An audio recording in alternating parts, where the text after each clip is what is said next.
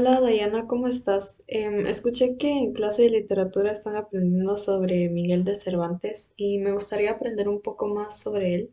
¿Me podrías contar un poco más sobre, sobre su vida, sobre sus obras y mm, cuándo murió, cuándo nació? Muy bien, su su nombre completo es Miguel de Cervantes Saavedra. Nació en Madrid el 29 de septiembre de 1547 y murió en Madrid el 22 de abril de 1616. Tuvo cinco hermanos y en 1568 escribió su primera manifestación literaria conocida como Dos poemas dedicados a la reina Isabel de Valius, esposa de Felipe II tras su muerte. Un dato curioso es que en 1594 trabajó como recaudador de impuestos atrasados. En 1597 se le acusó de haber recaudado más dinero del debido o de retrasarse con los pagos. Por este motivo, Miguel de Cervantes pasó tres meses en la cárcel real de Sevilla. ¿Por qué Miguel de Cervantes es tan sobresaliente o por qué es tan importante para la literatura? Bueno, Miguel de Cervantes es conocido en España y en el mundo por su contribución al idioma español, a través de su escritura. De hecho, muchos se refieren al español como la lengua de Cervantes.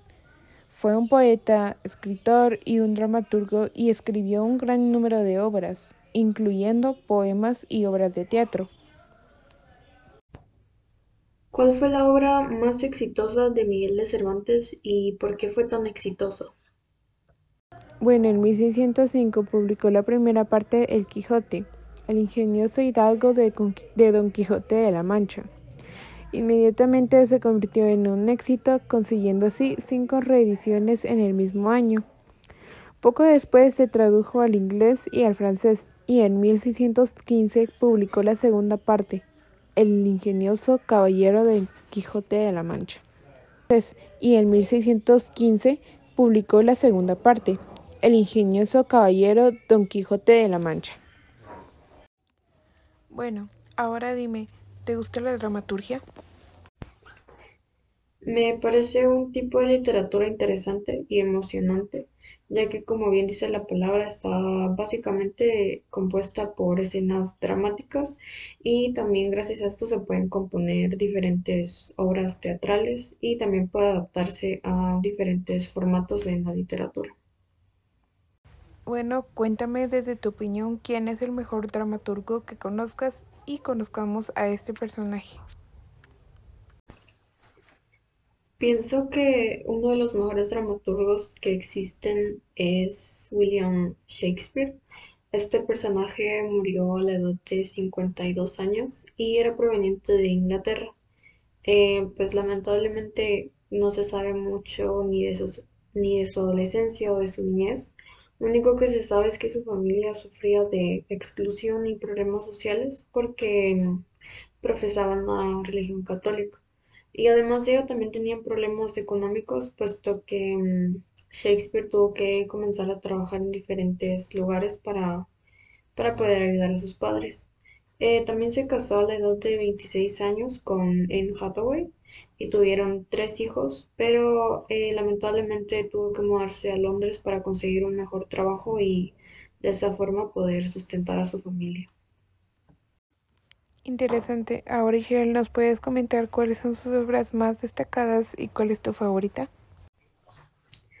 Em, bueno, luego de mudarse a Londres, comenzó a trabajar en diferentes lugares y tuvo varios empleos. Eh, dos años más tarde comenzó a escribir sus obras como actor, escritor y dramaturgo en una compañía de teatro que se llamaba Chamberlain's Men, que después de unos años cambió su nombre a Kingsman. Eh, uno de sus primeros éxitos fue el poema Venus y Adonis, publicado en el año de 1593. Después también escribió una obra que fue muy reconocida, que se llama Un sueño de una gran noche de verano, publicada antes de 1600. Y luego comenzó a escribir obras como comedias oscuras y tragedias. Y la que más sobresalió y una de las más exitosas es Romeo y Julieta. Gracias, Diana, esta conversación me ayudó a entender y conocer un poco más a Miguel de Cervantes y también a hablar un poco sobre William Shakespeare. Um, gracias y espero tengas un lindo día.